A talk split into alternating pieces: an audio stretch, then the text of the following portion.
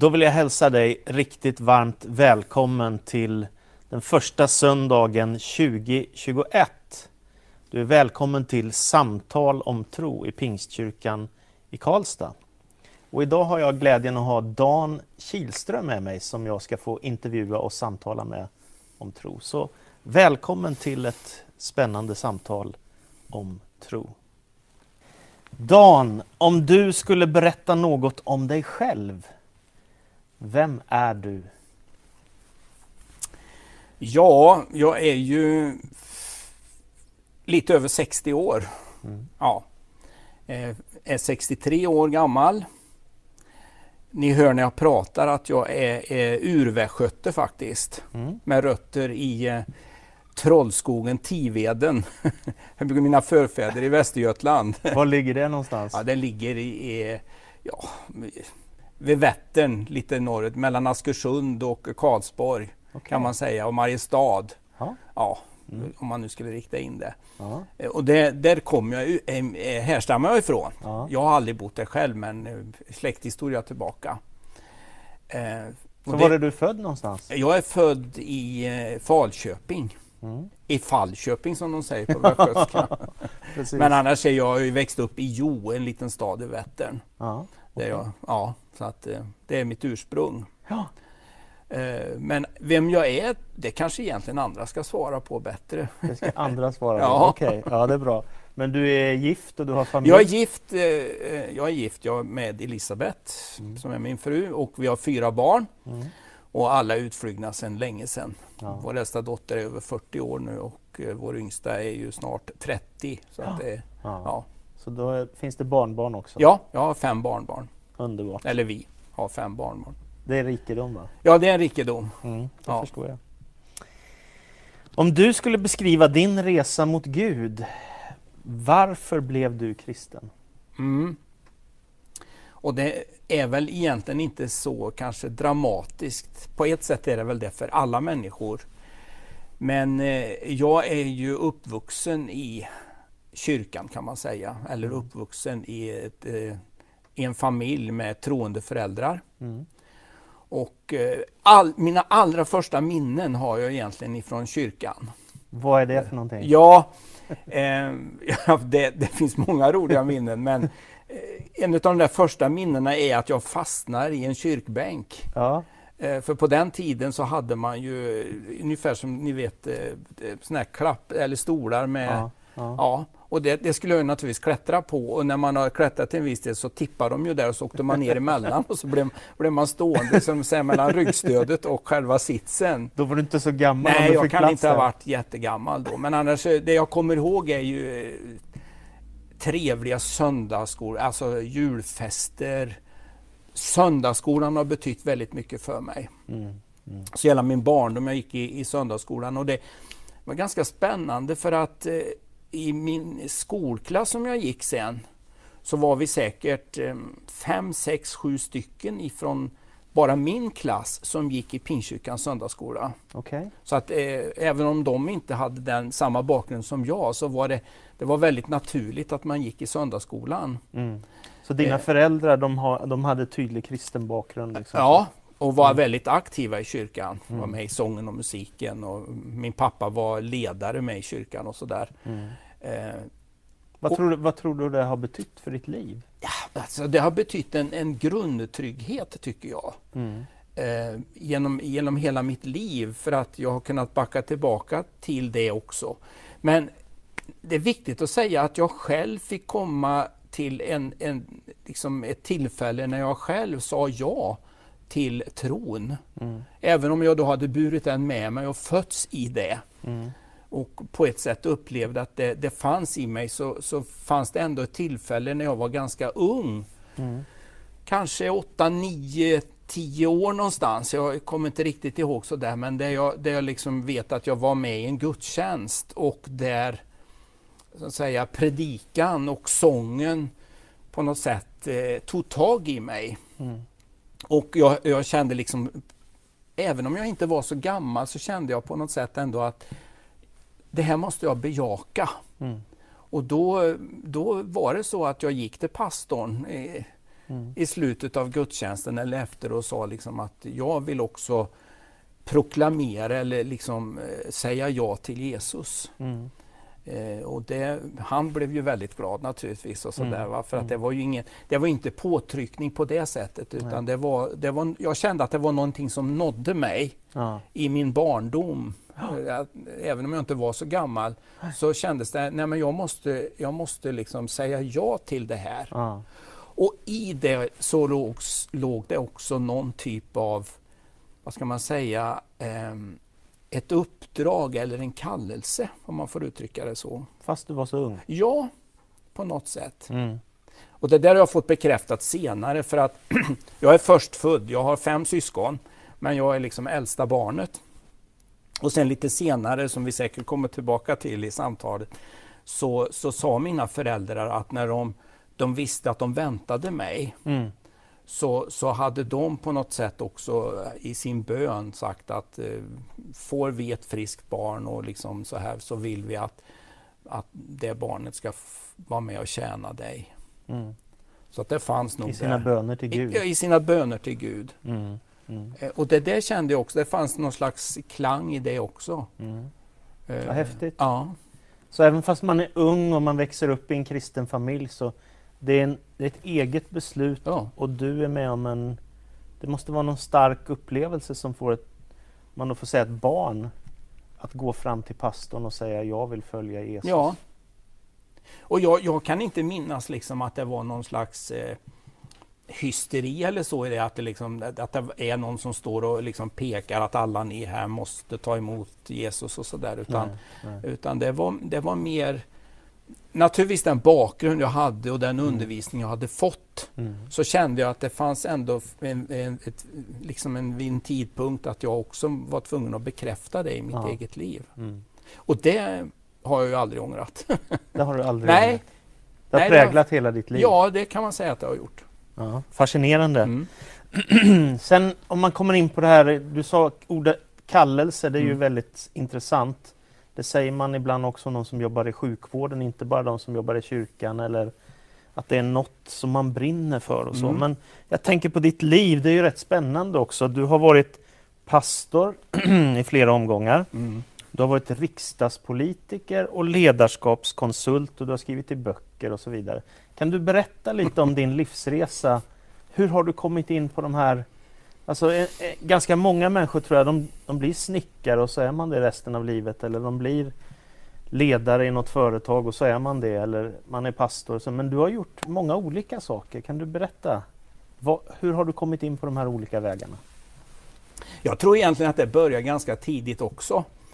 Eh, och då, då spelar kyrkan en väldigt viktig roll. Mm. Och eh, jag vill ju säga det att, att eh, kyrkan har gett mig både utbildning i demokrati, okay.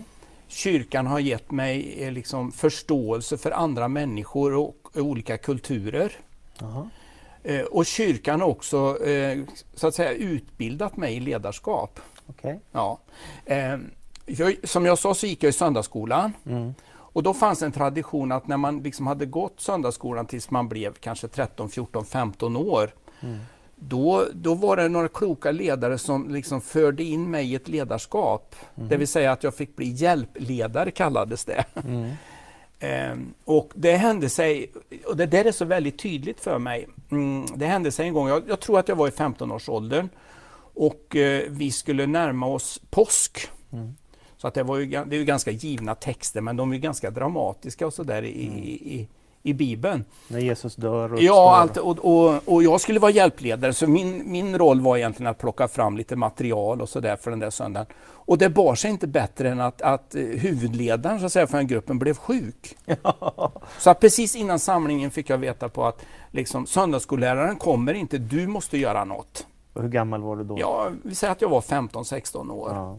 Så att, och, men texterna kunde jag ju. Jag mm. kunde ju berättelsen. Mm. Och jag hade ju plockat fram materialet och där sätter jag igång och berättar. Ja. Och eh, mitt i berättelsen så är det en, en liten pojk som sitter, det satt ju lite föräldrar med, jag var jättenervös ska jag säga. Och mitt i berättelsen om liksom Jesu död och uppståndelse så är det en liten pojke som säger Stopp, stopp, stanna! säger han. Och då tänkte jag, nu är, nu är det slut liksom. nu kastas jag ut. Så här, va? Ja. Och, och liksom, jaha, vadå? Liksom, han, bara, han bara sprang iväg den där pojken. Och, så, och efter en stund så kom han tillbaka och visade sig att han, han behövde gå på toaletten, så enkelt var det. Jaha. Men han ville inte missa någonting av berättelsen. Utan han kom tillbaka och sen kom föräldrarna till mig och sa här, du det där var något speciellt. Liksom. Nå, och där hände någonting också. Okej. Som, som liksom formade mig. Mm. Som, som, som, och där förstod jag att jag kanske hade en gåva eller en möjlighet att berätta. Ja. Och det är också väldigt förknippat med liksom ledarskap.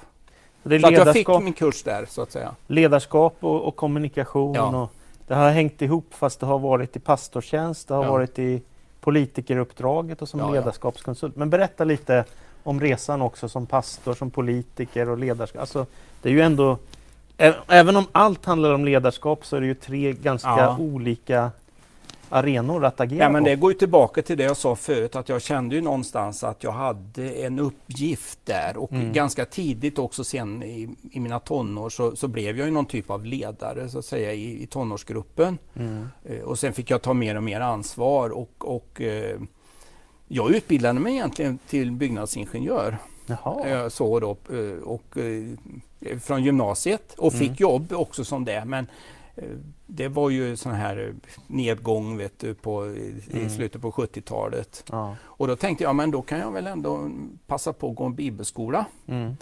Och då hade jag ju lärt mig att spela lite gitarr och sjunga körer och sådär. Mm. Och då gick jag i den där bibelskolan. Då var det en av pastorerna som sa, men du, eh, jag tycker du ska börja jobba här i kyrkan. Vi behöver en kille som, Mm. som spelar gitarr och kan liksom vara med och leda. Mm. Så så blev det. Så började jag som, liksom, kan man säga, ungdomsledare eller Mm. ja, Mm.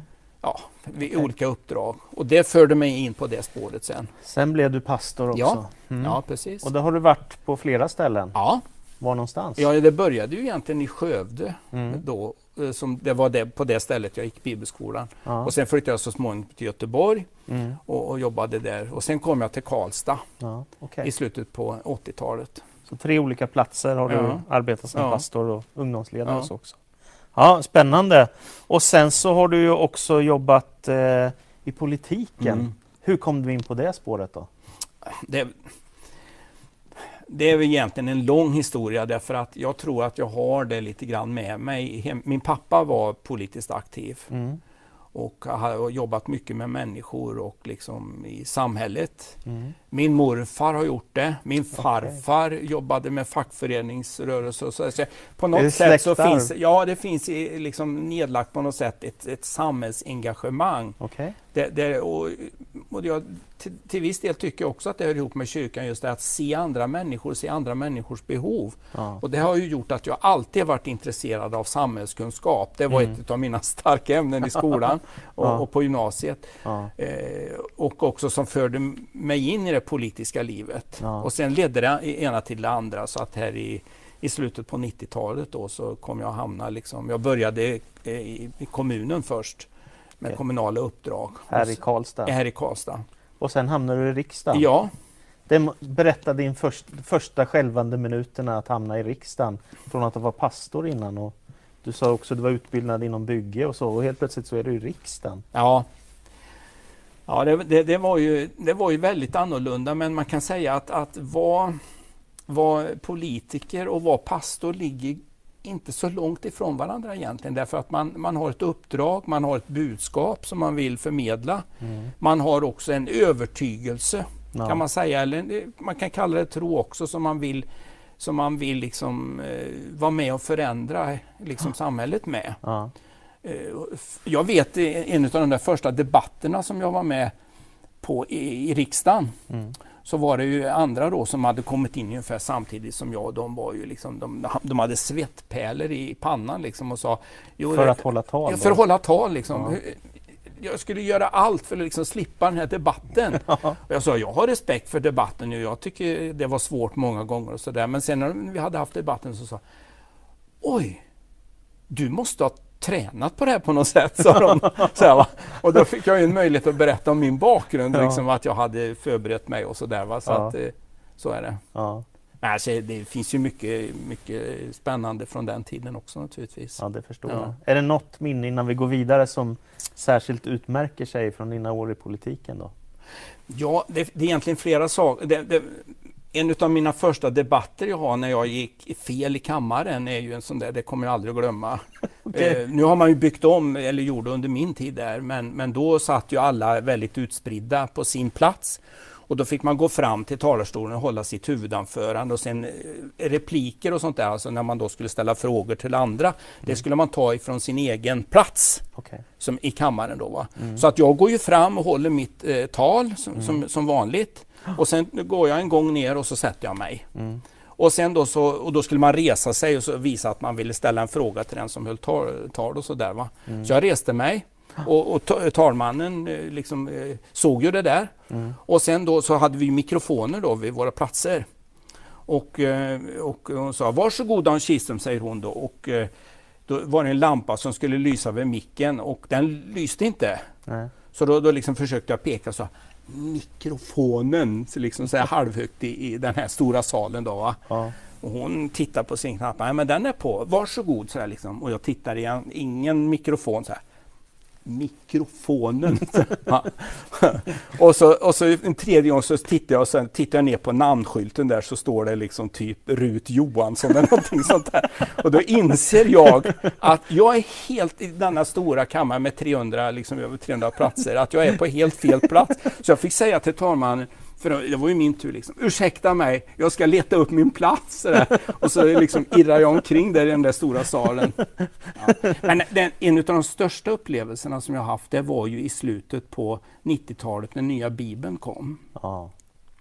Alltså det är en utav de... de och det Bibel skulle, 2000? Då. Ja, det, det, skulle jag kunna berätta mycket om. Men eh, det var ju liksom, jag vet ju att det fanns ju sådana politiska krafter som sa att när vi går in i 2000-talet så ska kristendomen vara borta. Liksom. Ja. Och inflytandet över samhället i, med, med kristna värderingar ska vara borta. Mm. Och då slutar hela 90-talet med att statsministern, som då var Göran Persson, kommer med nya bibeln till riksdagen. Och det ligger en bibel eller del, bibeldelar på alla bänkar. Och I, så, riksdagen. I riksdagen. Och alla får vi då den nya översättningen och så hålls en jättefin jag skulle vilja kalla det gudstjänst i riksdagen eh, där då statsministern håller en predikan faktiskt som jag sen tackade honom för eh, och som jag har sparat. Okay. Eh, och det som var ännu mer spännande var ju då att vi ledamöter fick och sen några dagar senare så skickades det ut på intranätet. Om det är någon som inte vill ha Bibeln så kan jag ta den. Alltså det fanns ju mm. tjänstepersoner och så som gärna mm. ville ha mm. bibeldelar. Ja. Och jag kände till en av dem där, så mm. att jag frågade sen några veckor senare Fick du tag på någon bibeldel? Nej, jag fick inte det. Ingen var beredd att lämna det ifrån sig. Nej. Så slutade 90-talet ja. i riksdagen. Fascinerande. Inför det nya årtusendet mm. så mm. fick man den nya bibelöversättningen. Mm. Ja, men det är bra, intressant berättelse. Mm. Tänker vi ska läsa en bibeltext också. Ja. Ifrån Matteus evangeliets 16 kapitel. När det står så här. När Jesus kom till området kring Caesarea Filippi frågade han sina lärjungar, vem säger människorna att Människosonen är? De svarade, somliga säger Johannes döparen, men andra säger Elia och andra Jeremia eller någon profet. Och ni, frågade han, vem säger ni att jag är? Och Simon Petrus svarade, du är Messias, den levande Gudens son.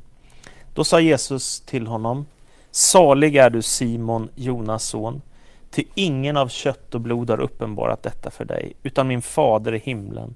Och jag säger att du är Petrus, klippan, och på denna klippa ska jag bygga min kyrka, och dödsrikets portar ska aldrig få makt över den. Jag ska ge dig nycklarna till himmelriket. Det här tycker jag är en fascinerande bibeltext som ju dels handlar om vem Jesus är, det du, sa, du berättade om i början. Mm att du kände det här är något man måste tacka ja till. Eller man kan ju tacka nej mm. också naturligtvis. Men, men du kände man måste jag, ta ställning till Ja, och du kände jag vill tacka ja till det här och det har mm. påverkat mm. hela ditt vuxna liv ja. egentligen. Eh, så det här med kyrkan är en stor del. Vad tror du att det gör för skillnad att, att ha den här bakgrunden? Antingen att växa upp i en församling och ha föräldrar som är troende eller att komma till tro att bli kristen och bli del i en, i en församling? Vad gör det för skillnad i en människas liv? Ja, alltså i och med det jag har berättat Ja. så tänker jag så har ju det gjort väldigt stor skillnad i mitt liv. Ja. Så jag har ju väldigt mycket egentligen att tacka tron för naturligtvis, men Ja. också kyrkan som har betytt så mycket för mig i, i, i min personliga utveckling. Kanske hade kunnat få delar av den på andra ställen, men, men i mitt fall här så kan jag ju peka på saker som, Mm. har, som har betytt väldigt mycket för mig Mm. och som har, som har hjälpt mig vidare i livet också. Mm. Sen tycker jag ju att kyrkan och församlingen, är, det, liksom, det är ju en, en grundtrygghet. Mm. Eh, och du, du läste ju om det på något sätt att eh, den finns där. Mm. Eh, och därför så tycker jag det är så spännande i, i dessa tider som vi nu lever med, med speciella omständigheter. Mm. Så, så visst, vi får ändra om väldigt mycket men kyrkan har ju inte försvunnit. Nej, den finns kvar. Den finns där, även om vi nu måste hitta nya sätt att arbeta. Precis, och Ja. både du och jag har rest i många länder och Ja, kyrkan finns där också. ja. Och det, det, det är något, det, det går aldrig att förklara egentligen just det här att man kan, som du säger, resa till ett annat land och besöka någon verksamhet och så besöker man en gudstjänst. Om man känner sig hemma, eller jag känner mig hemma. Fast man aldrig varit där förut. Fast vi aldrig har varit där, det är helt nya människor, en helt ny lokal kanske, en helt annan kultur. Mm. Men ändå finns en grundton Mm. som man känner igen och den går inte att förklara. Nej, den är fascinerande. Du är också väldigt aktiv i våran kyrka, Pingstkyrkan i Karlstad. Mm. Och sen ett antal år tillbaka så, du har ju varit pastor här tidigare, Mm. men just nu är du ordförande i vår församling. Kan du säga något om vad det innebär? Vad är det för uppdrag att vara ordförande i en kyrka?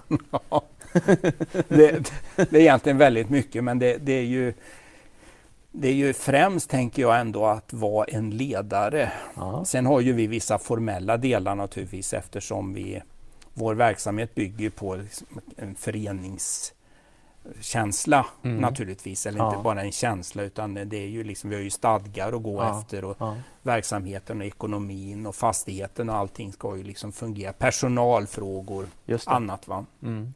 Så det är ganska mycket egentligen men det känns ju som att man är liksom i, i bräschen på något Ja, sätt. Eller, ja. ja. Så det är framförallt ett ledarskapsuppdrag. Ja, ja, det tycker jag. Man leder styrelsen. Ja, alltså jag tycker att det skulle vara väldigt svårt att bara vara någon typ av formell ordförande som dyker upp liksom var, vart, varannan månad och, och liksom kallar till ett styrelsemöte. Det. Utan det, jag, jag tycker att man måste leva med liksom, i det som händer och sker. Det Och aktiva vara- livet ja, i och- församlingen. Och vara beredd att ta initiativ. Mm. Och vara Mm. beredd också och liksom kanske också ibland ta svåra beslut. Det gör man ju aldrig ensam Nej, naturligtvis. Men, nej. men någonstans måste man ju vara beredd att ta initiativ och kanske också våga gå före.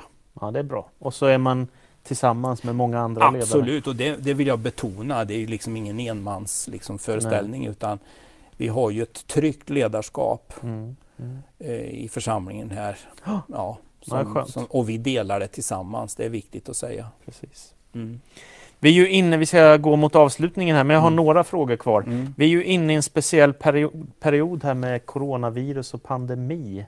Mm. Vad har du tänkt? Nu är det ett nytt år. Vad har du tänkt eh, som, om framtiden här nu och, och det som ligger bakom oss med den här svåra tiden? Mm. Ja, alltså egentligen, jag höll på att säga, man behöver ju inte tänka för att du, 25 gånger om dagen så nås du av olika budskap och de Ja. flesta är om Corona så att Mm. liksom, det finns ju hela tiden. Ja. Men jag tänker samma sak där, att eh, på något sätt så jag är helt trygg i, och, i att, att eh, församlingen finns, Mm. eh, eller om man vill uttrycka det som kyrka, Mm. att kyrkan finns även om man då får hitta nya vägar. Och jag, jag vet, vi har hittat nya vägar Mm. under året som gick. Ja. Och jag är väldigt nyfiken på vad eh, det kommande året ska innebära. Ja. Eh, Jag tror att det kommer utkristalliseras också mm, både nya sätt att mötas, Mm.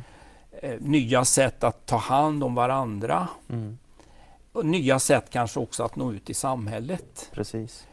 Och på, på något sätt har jag lärt mig under alla år jag har varit med, jag kan ändå säga att jag har tillhört kyrkan hela mitt liv, Ja. Så, så har aldrig tanken funnits att kyrkan skulle försvinna. Nej. Utan den kommer att finnas. Ja. Och, och, ehm, ja, och det är en trygghet.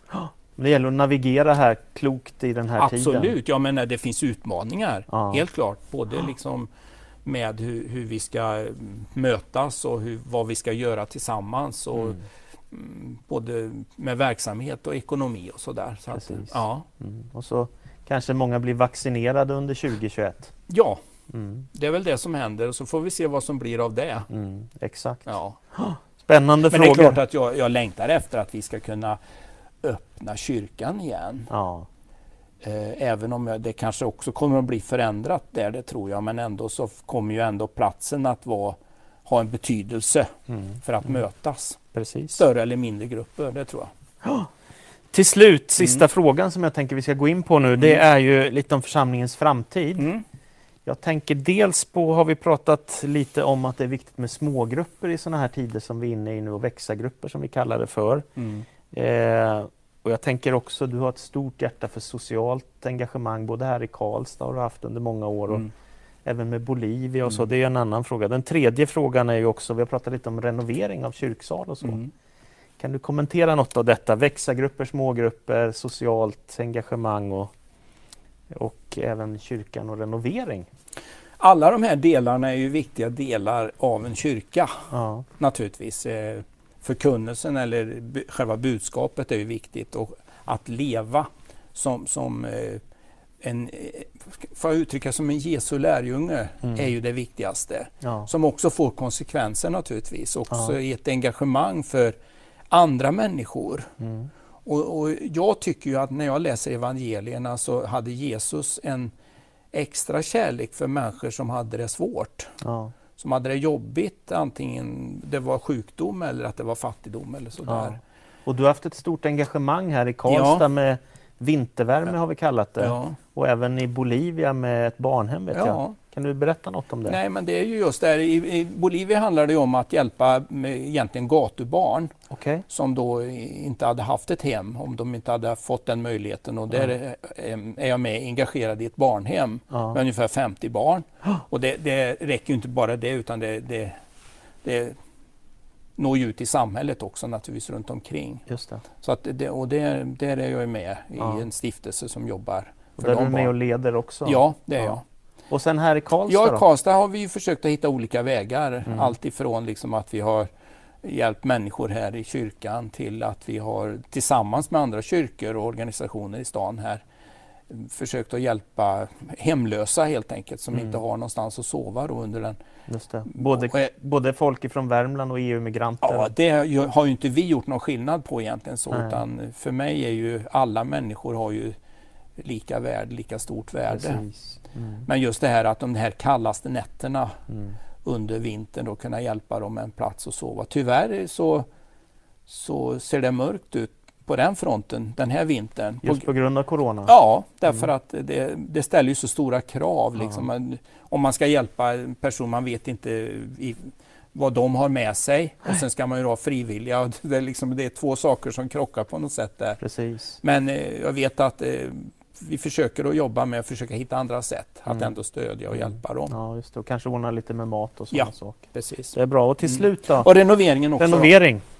Ja, vi har ju hållit på ett antal år här och, och i liksom helhetstanken så handlar det om hela kyrkan. Ja. Men vi orkade inte, eller ska vi säga, hade möjlighet att, att göra kyrksalen förut. Och Mm. den drömmen har vi ju kvar. ja. Vi har haft en grupp nu som har jobbat under förra året Mm. eh, väldigt seriöst och gjort ett väldigt bra arbete eh, hur vi skulle kunna förnya vår kyrksal. Mm.